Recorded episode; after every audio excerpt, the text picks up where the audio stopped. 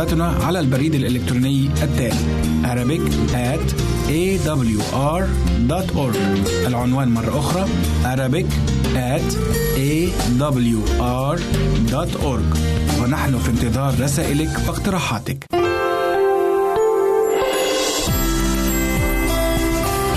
هنا إذاعة صوت الوعد. لكي يكون الوعد من نصيبك.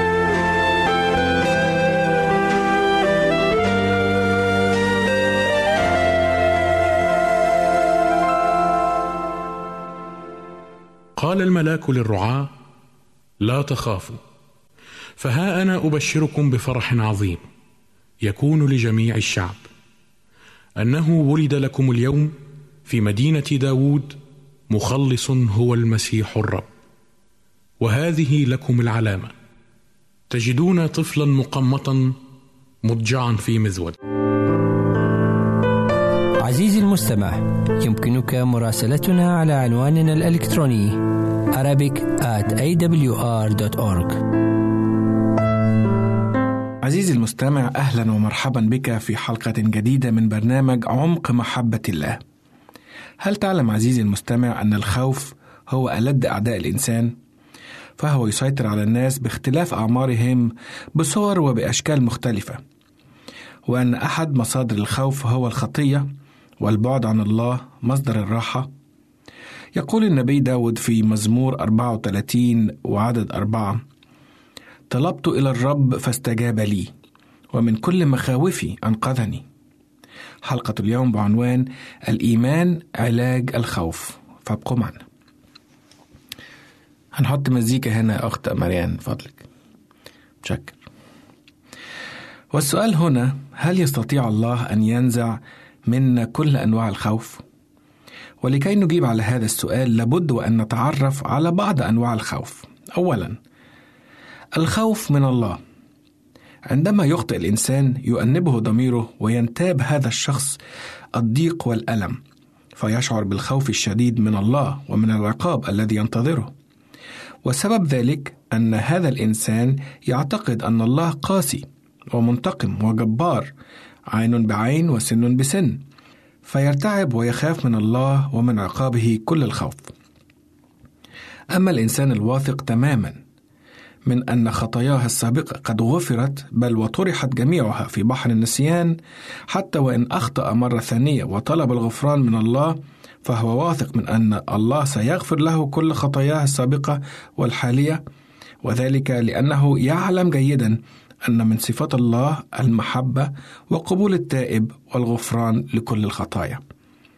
تعالوا معا نقرأ الآية الموجودة في مزمور 34 وعدد خمسة والتي تقول: نظروا إليه واستناروا ووجوههم لم تخجل. النوع الثاني من الخوف هو الخوف من الناس. هناك أسباب كثيرة تجعل الإنسان يخاف من أخيه الإنسان، لأنه ينتج خرابا ودمارا له، ولذلك فهو سبب كاف للخوف. هناك آية موجودة في مزمور 29 وعدد 25 تقول: خشية الإنسان تضع شركا والمتكل على الرب يرفع. وهناك مثال في الكتاب المقدس عن خوف الإنسان من أخيه الإنسان. نجد هذا المثال في سفر صموئيل الأول الإصحاح الخامس عشر. خاف الملك شاول من شعب الأعداء وسمع لهم وفعل كل ما طلب منه. فأبقى الملك شاول الأشياء المحرمة ولم يعدمها كما طلب منه الرب. وبهذا الفعل الخاطئ جلب شاول الملك على نفسه غضب الله. ولهذا السبب صدر على الملك شاول الحكم العادل على فم النبي صموئيل حيث قال له لأنك رفضت كلام الرب رفضك من الملك. فقال شاول لصموئيل النبي أخطأت لأني تعديت قول الرب وكلامك لأني خفت من الشعب وسمعت صوتهم.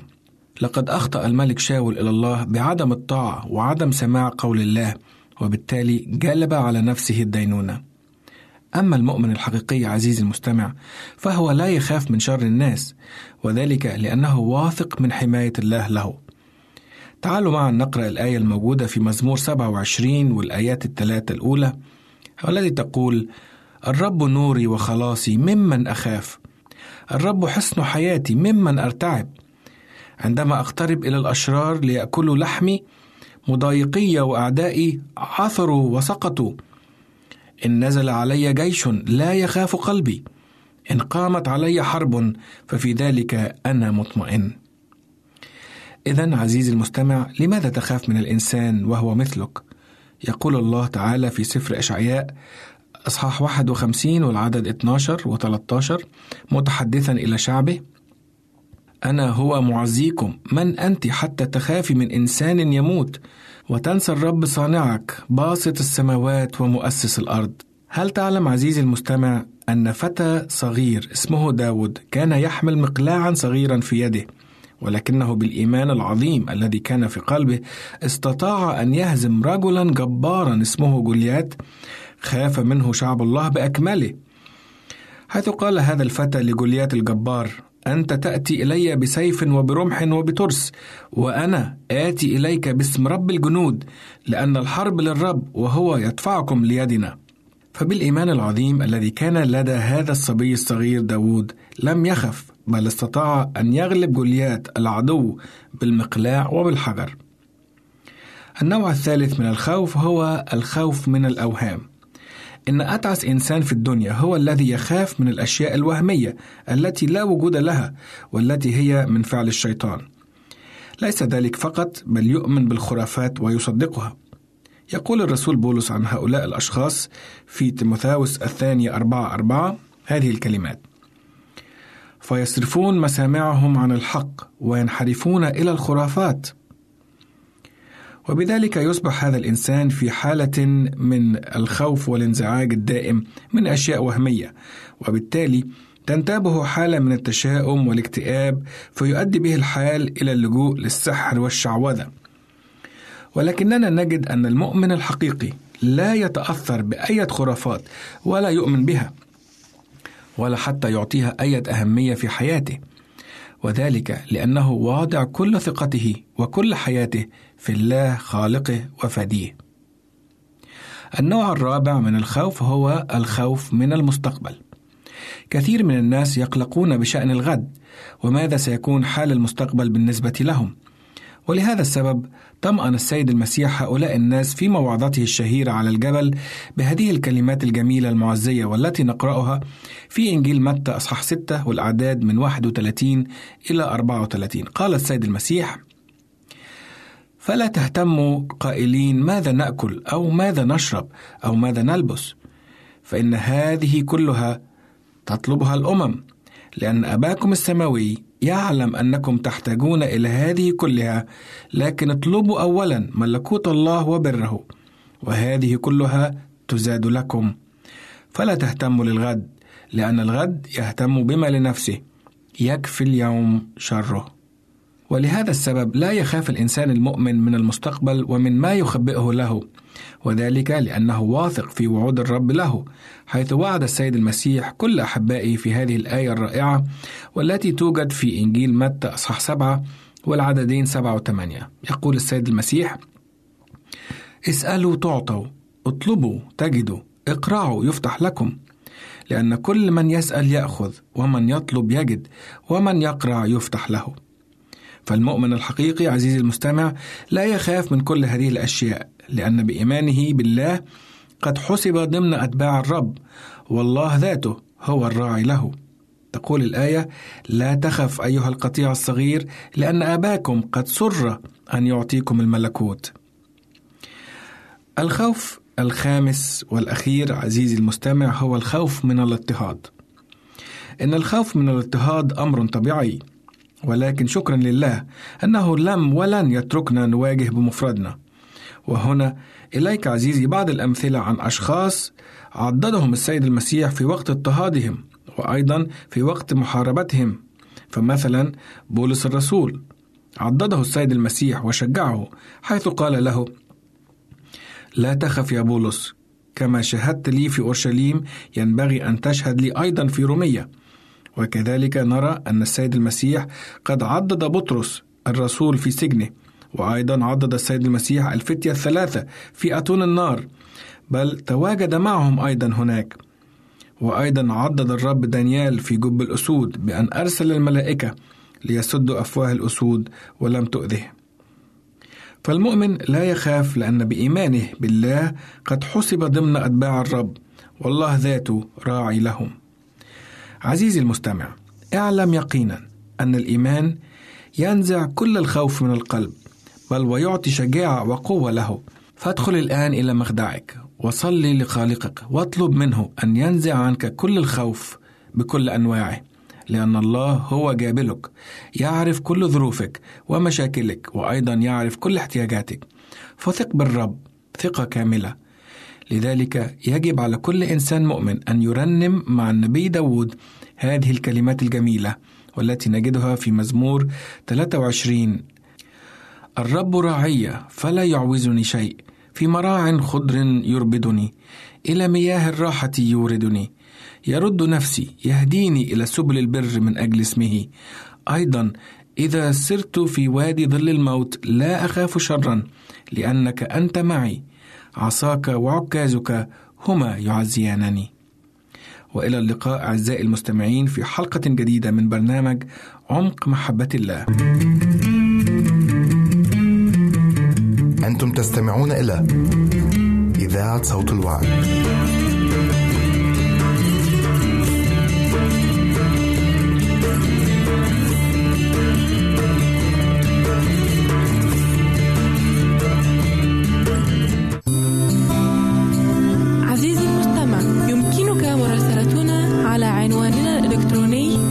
ابنك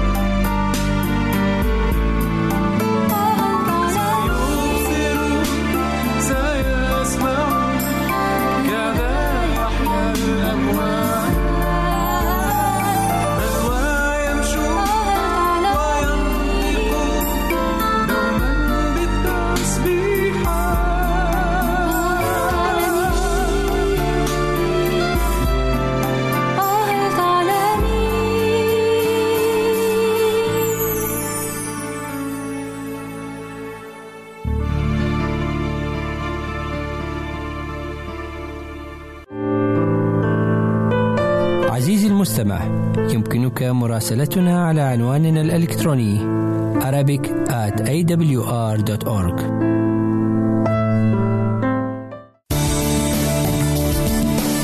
أنتم تستمعون إلى إذاعة صوت الوعد.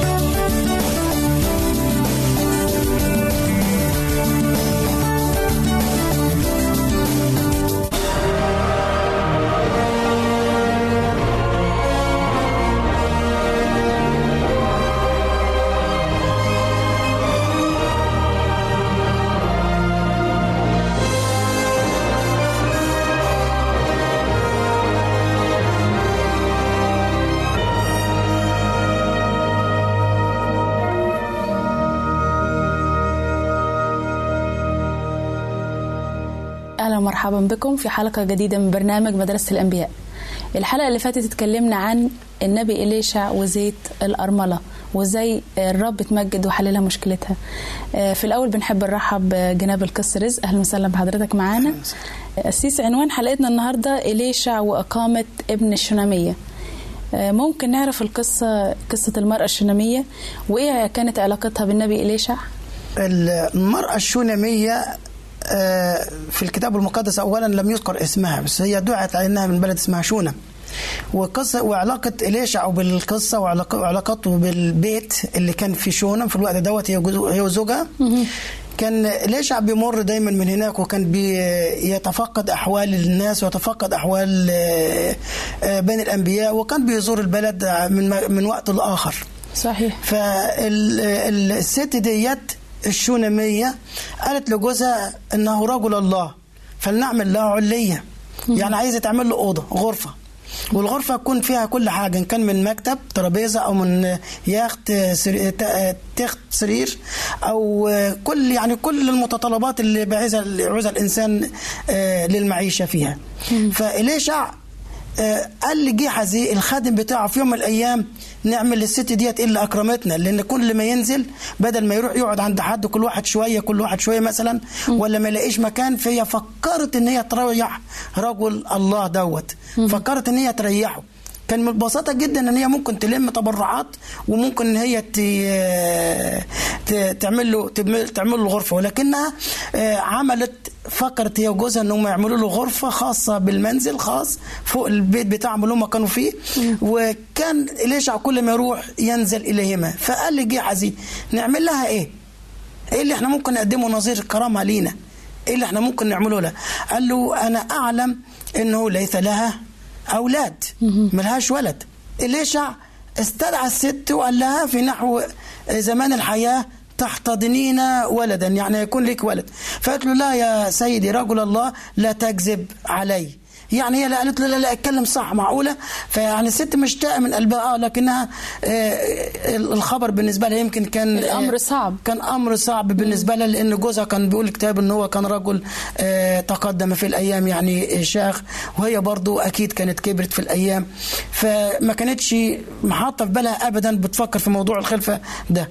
هو في يوم من الأيام الولد كبر الصبي وراح ورا أبوه في العمل أو في الغيط في الحقل واخد أصيب بضربة شمس في رأسي حتى أنه كان يصرخ ويقول رأسي رأسي. ولما أخذوه ودوه رجعوه البيت تاني عند الأم. فالأم آه، على ما راح وصل البيت كان الولد آه، الولد مات. فهي كانت ست مؤمنة. مسكت الولد ما قعدتش تبكي ولا تصوت زي ما بيعملوا البعض.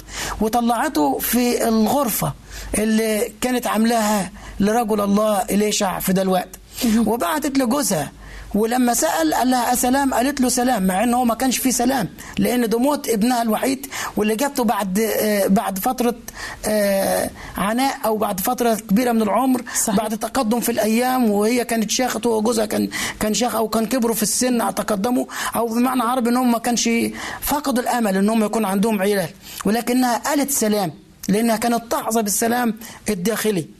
ولما خدت آه، الحمار وتشدت وراحت تقابل رجل الله إليشع. فرآها جحزي وقال له قال له آه، الشنامية آه، جاية. فلما هي قال له اسمع خليها تدخل. لما دخلت ارتمت عند رجلين عند رجلين إليشع. فجه جحزي يحوشها. قال له اتركها لأن الرب قد كتم عني الأمر وهي مرة النفس. في حاجة في- في نفسها فقالت له يعني بال شيء بتاعتنا آه. في شيء ما حاصل ليها آه، عشان كده هي حزينة. بالظبط كده. فقالت له آه، يعني أنا كنت طلبت منك أولاد ولا كنت قلت لك اديني أولاد. أنت ليه اديتني أولاد؟ فهي هو عرف إن ابنها مات. فقال لي جيحزي أشدد حقويك وخذ عكازي بيدك. ويعني روح علشان أنت تعمل معجزة أنا هي لكن هي كانت عندها إيمان قوي جدا. بربنا لكل المجد قالت لإليشع حي هو الرب إني لن أتركك. فكان جحزي خد خد العكاز بتاع بتاع إيه إيه إيه إليشع وذهب جري قدامهم راح للغرفة. وهم ماشيين في الطريق رجع وقال لهم ما قامش طب ما أنت ما عندكش إيمان. ما إحنا هنعرف دلوقتي قصة كمان آه، آه، جحزي في, في, سياق الحلقات بتاعتنا وفي الدروس بتاعتنا. هنعرف الإيمان آه، ليش كان قلبه متعلق بإيه؟ فإزاي هتعمل. معجزة؟ جحزي أيوه. أنت قلبه كان متعلق بإيه؟ أنت قلبه ما كانش متعلق بربنا. فراح إليشع ودخل وتمدد على الولد على الولد وطلب من الرب إن هو يشفيه. فشفى الرب الولد أو عمل معجزة وأقام ابن الشنامية ودعا ابن الشنامية الشنامية وقال لها انظري ابنك حي. خدي ابنك هو حي وهنا المجد بيرجع لربنا مش بيرجع لعامل المعجزة ولا للشخص نفسه ولكن المجد في مثل هذه الحالات يرجع إلى الله لأن الرب هو الذي وهب الحياة وهو الذي يأخذها وهو الذي يعطيها وهو اللي اداهم الولد وهو اللي رجع لهم الولد مرة تاني. ودي بترجع أهم تاني مرة تاني بترجع على دور الإيمان بتاع الشخص نفسه. عشان ندخل أكتر في تفاصيل القصة آه، فين شونم موجودة اللي حصل فيها قصة المرأة الشوناميه وكانت بتنتمي لأي سبط شونم على حسب؟ قاموس الكتاب المقدس معلش هقراها ويا ريت نخلي بالنا منها شوية. نشوف شونم تقع فين. إلى أي سبط تنتمي تنتمي إلى سبط يساكر إلى أي سبط تنتمي تنتمي إلى سبط يساكر لكن عايزين نعرف شونم فين هي. على حسب قاموس الكتاب المقدس آه، جغرافيا بيقول شونم هي مدينة كنعانية مقابل جبل جلبوع. تمام؟ وكانت من نصيب يساكر حل الفلسطينيين فيها قبل موقعة جلبوع العظيمة ومنها أبي شج الشنامية حاضنة داود اللي كانوا جايبين الست اللي كان وقت داود مشايخ ده مش بنحكيها. وهنا وهي المسماة اليوم سولم. المسماة اليوم سولم. كانت شونم إحدى مدن إسرائيل التي تتبع سبط يساكر وتقع على الطريق المؤدي إلى السامرة والكرمل الذي اعتاد إليشع أن يمر منه. وهنا مذكورة في سفر الملوك الثاني إصحاح 2 والآية 25 بتقول وذهب من هناك إلى جبل الكرمل ومن هناك رجع إلى السامرة. شفت قد إيه؟ فعشان كده بيقول لنا يقرب و... آه، تقول لنا هي كانت تعمل فين؟ وكانت موجودة موجودة فين؟ صحيح صحيح. طب الكتاب المقدس بيذكر آه، اسم المرأة وبيكتفي بالقول امرأة عظيمة. إيه معنى كلمة عظيمة؟ من الملفت للنظر هنا أن الكتاب المقدس لم يذكر أسماء. وفي حاجة حادثات كتيرة في الكتاب المقدس لم يذكر الكتاب المقدس فيها الأسماء لأن مش المهم في ذكر الاسم ولكن المهم أن الاسم قد كتب في سفر الحياة. آمين. وده أهم شيء. صحيح. مش مشكلة مش آه، أنا اسمي اتذكر ولا ما اتذكرش ولكن آه، المهم أن أنا اسمي قد كتب في سفر الحياة.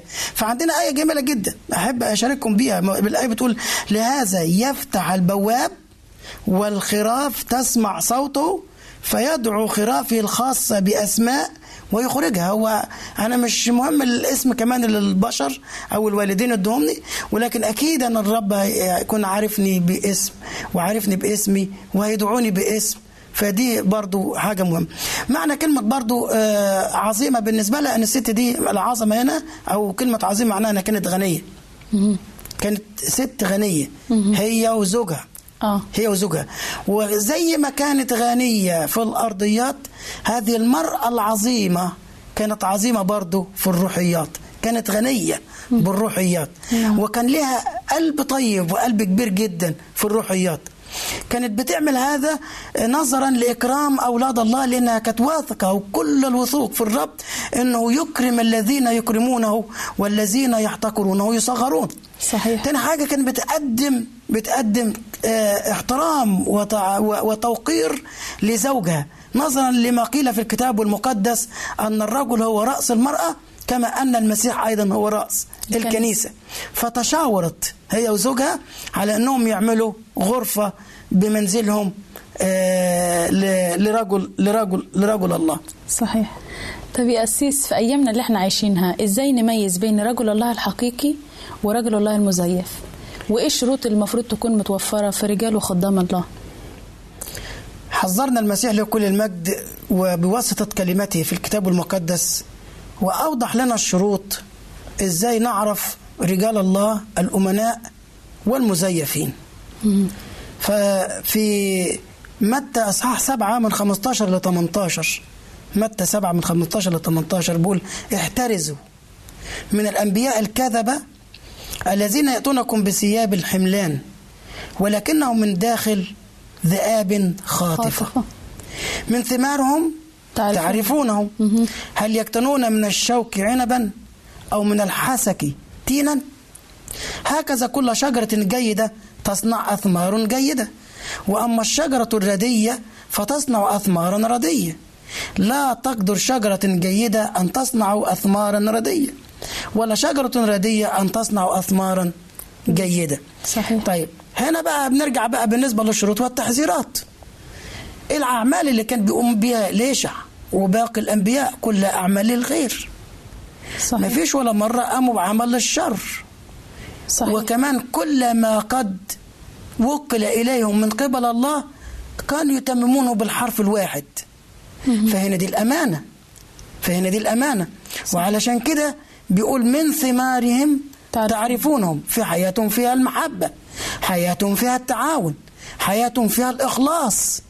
كانوا بيهتموا بكل كبيرة وصغيرة في حياة الناس وفي حياة الأنبياء وفي حياتهم بحياة بني الأنبياء صحيح. فهنا من ثمارهم تعرفونهم يعني أنا أعرفك من خلال كلماتك ومن خلال تصرفاتك وأفعالك من خلال آه، حياتك العيشة اللي- اللي أنت ماشي بيها مع الناس مش أنا أقول حاجة وحياتي تختلف عن اللي أنا بقول. عن اللي أنا بقوله مش بختلف صحيح. وعلشان كده لو نرجع لنشوف المؤمنين كل مؤمن بيبان بتصرفه. الإنسان ده بيبان بالظبط. ليه؟ لأن الصفات اللي في داخله بتنعكس.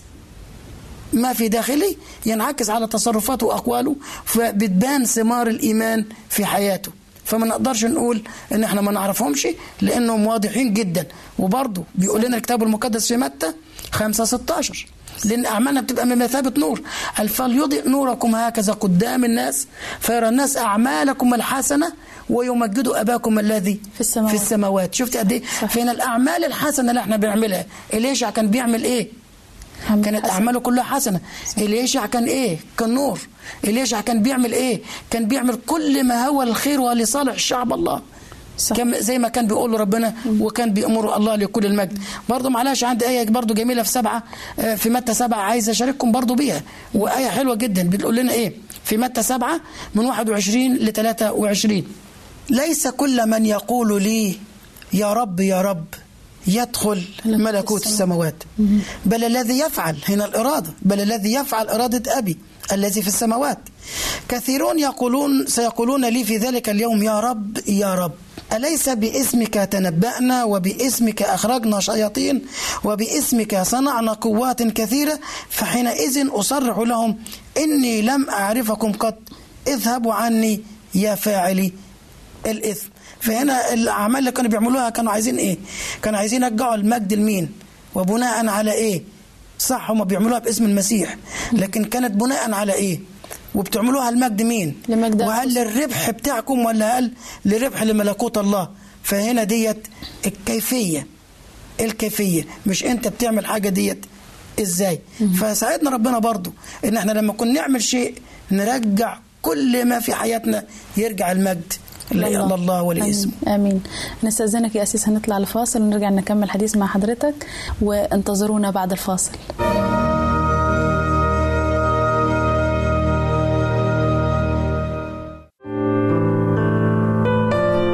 المستمع يمكنك مراسلتنا على عنواننا الإلكتروني Arabic at awr.org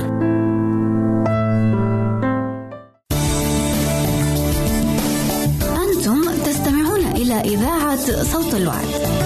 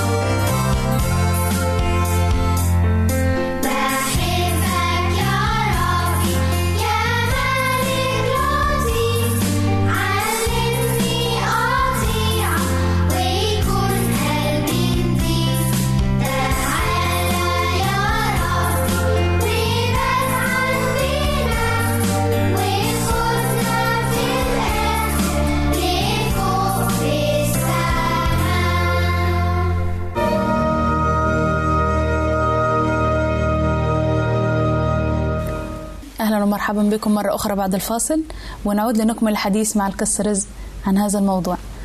أسيس تكلمنا قبل الفاصل آه، إزاي نميز بين رجال الله الحقيقيين والغير حقيقيين؟ آه، اشرح لنا أكتر إزاي ظهر كرم آه، العائلة اللي هي بتاعت المرأة الشنامية مع نبي الله إليشع وعملوا له غرفة ضيافة. فاشرح لنا أكتر في الموضوع ده. إحنا عندنا نتكلم عن الكرم وانواعه.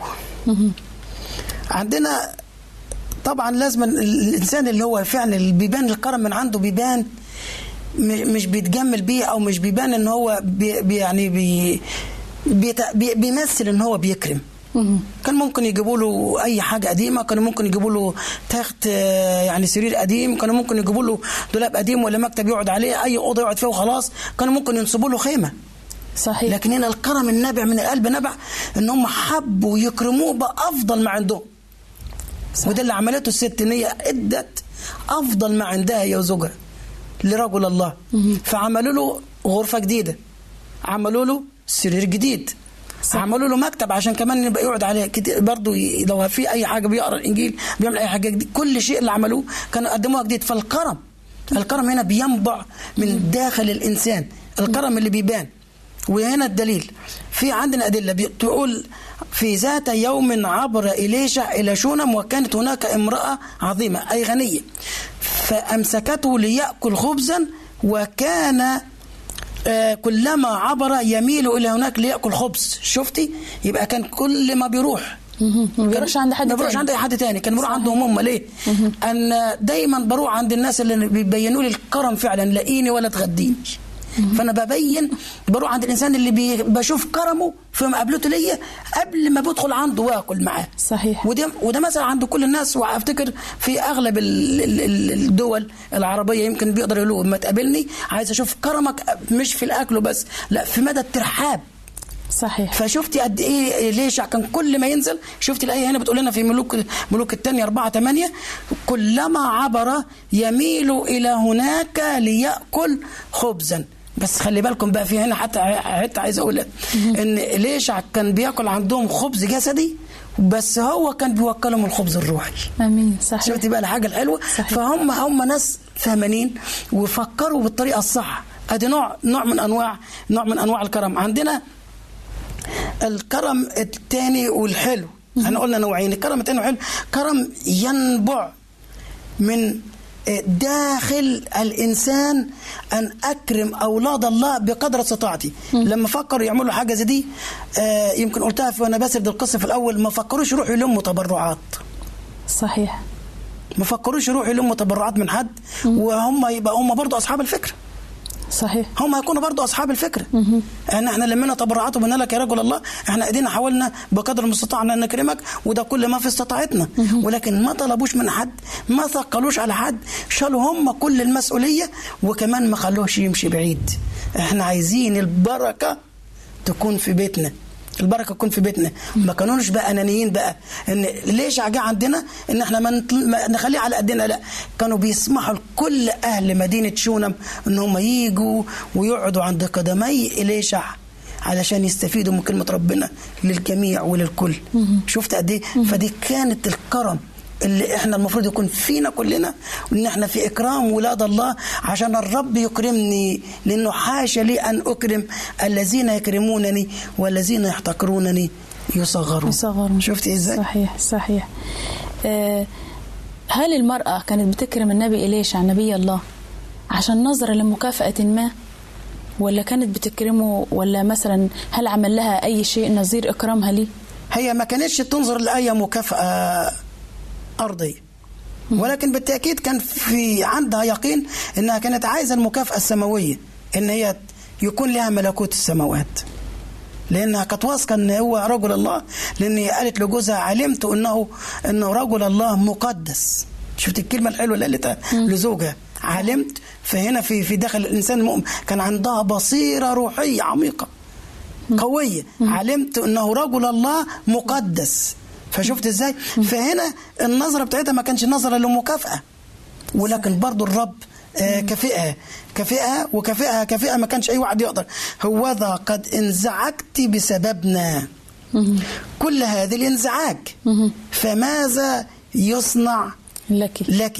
هل لك ما يتكلم به إلى الملك أو إلى رئيس الجيش؟ شفت الكلمة اللي قالها النبي إليشع لو أنت عايزة أي طلب أنا مستعد لأن في الوقت دوت إليشع كان عامل كان عامل معروف كبير قوي للجيش ولقوات المدينة و... وكان كانوا بيحبوه من ساعة ما لما روى الجيوش بتاعتهم. وحاجات كتيرة. فكان بيقول لها لو أنت عايزة أي حاجة من قائد الجيش أو من الملك أنا مستعد. اطلبي. أنا عايز أقول حاجة وأضيفها معلش. لو واحد مني طلب وأنا عارف إن الشخص ده واصل وكويس جدا. أول حاجة ممكن واحد يفكر فيها ممكن. احتمالية احتمالية موجودة. آه لو في حد أساء ليا آه أنا عايزك تتعبهولي أنا عايزك تشتكيهولي أنا ما قدرتش آخد حقي أنا وأنا. لكن هي قالت إيه؟ كل كلهم إخواتنا. وإحنا عايشين في وسط إخواتنا. وإحنا عايشين إخوة وحبايب لأنها كانت لابسة لبس الإيمان وكانت عايشة عيشة الإيمان صحيح. وكانت شايفة كل الناس إخواتها. ما كانش في قلبها ما كانش في قلبها ضغينة والحقد ناحية حد. دول عندهم وأنا ما عنديش. لا كان فقالت كلهم إخواتنا وإحنا عايشين في وسط إخواتنا. فأنا مش ف- فعشان كده ما طلبتش من ما طلبتش من اليشا حاجة. قالت له أنا مش عايزه حاجة. طيب بيذكر الكتاب المقدس أنه عندما قال لها إليشع في هذا الميعاد نحو زمان الحياة تحتضنين ابنا؟ فقالت لا يا سيدي رجل الله لا تكذب على جاريتك. هل دي مش كانت إهانة لرجل الله وأسلوب غير مهذب في التعامل مع رجل الله؟ حلو قوي عشان برضو نلفت نظر السادة المشاهدين إن إحنا نعرف كلمة زي ديت ليه قالت له كده.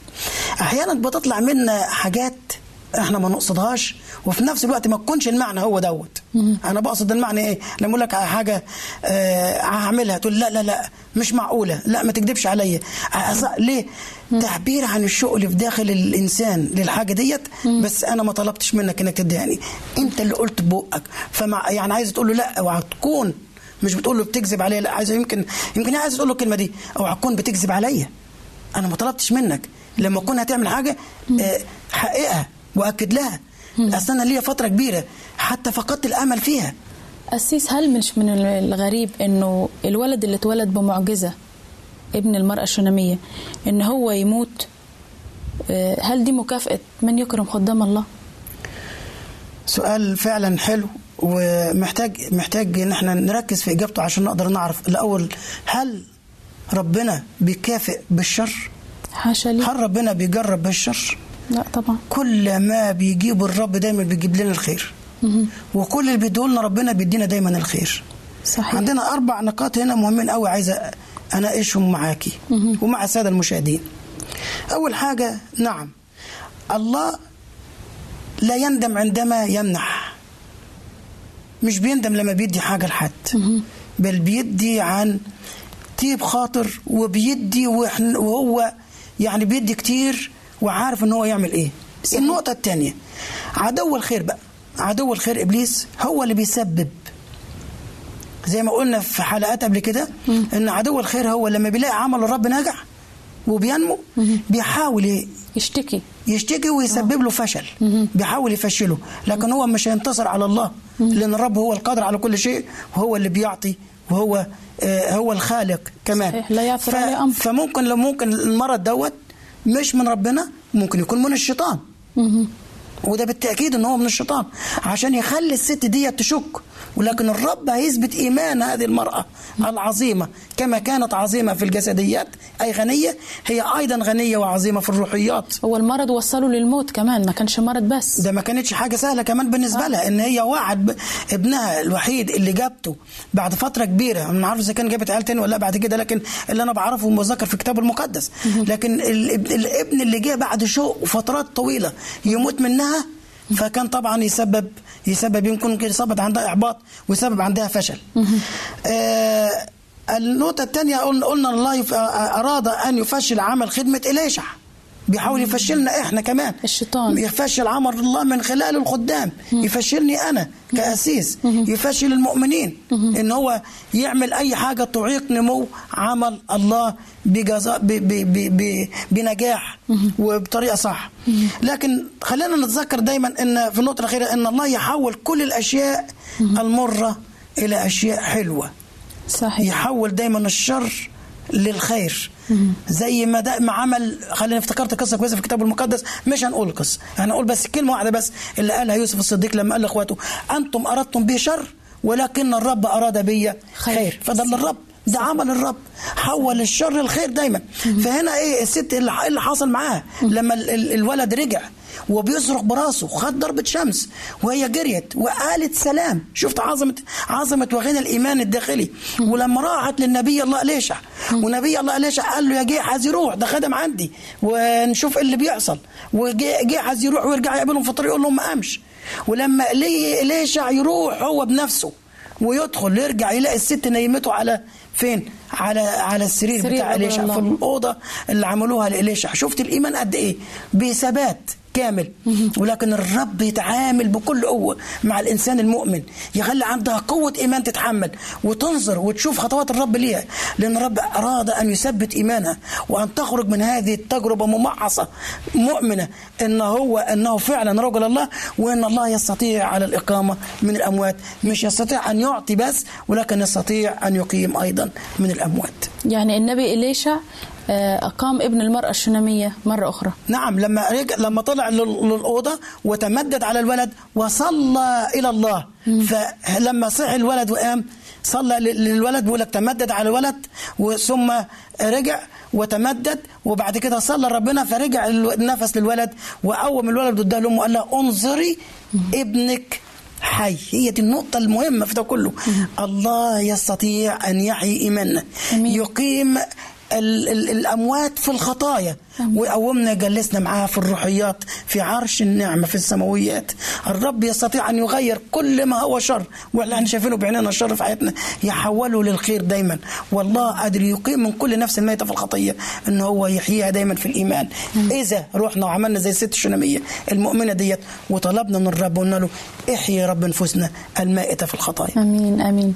في نهاية الحلقة يا أسيس بنشكرك كتير وبنتمنى أن الله يقوي إيماننا زي ما قوى إيمان المرأة الشناميه تابعونا في حلقات أخرى وسلام الرب معكم وإلى اللقاء.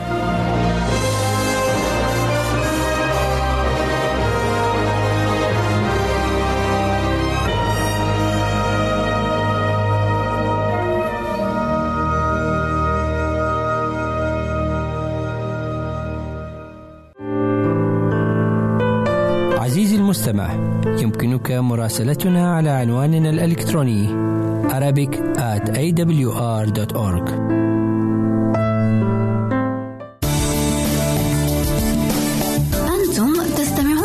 إذاعة صوت الوعد.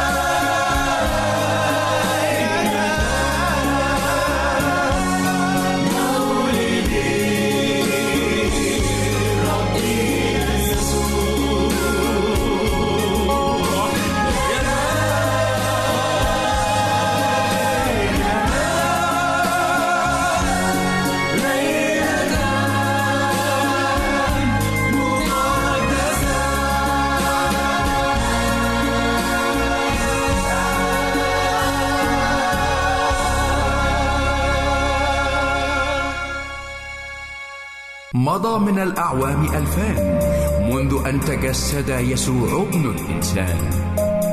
فماذا كان الزمان؟ وكيف أصبح الآن؟ تكلم الله قديما إلى الآباء. شجعهم وجههم ووبخهم بواسطة الأنبياء. لكنهم حولوا وجوههم وصموا آذانهم وأغلقوا قلوبهم. ولكن لما جاء ملء الزمان أرسل الله ابنه مولودا مولودا من امرأة. كلمهم قديما بكلمة الأنبياء لكنه الآن يكلمهم في شخص الكلمة. والكلمة صار جسدا وحل بيننا ورأينا مجده. مجدا كما لوحيد من الآب مملوءا نعمة وحقا. جاء المسيح في عصر نحرت فيه الفضيلة على مذبح الهوى والرذيلة. فصار إنسانا لكي تكون لنا طبيعته الإلهية. ولد المسيح في زمن رفرف فوقه السلام لكنه سلام الحديد والنار لا سلام الضمير والقلب والأفكار. لم يرفع المسيح سيفا لكنه غزا القلوب فجلس على عروشها بالحب ملكا وبالصليب ربا وبالسلام سيدا. هذا هو الميلاد والزمان فهل بعد أن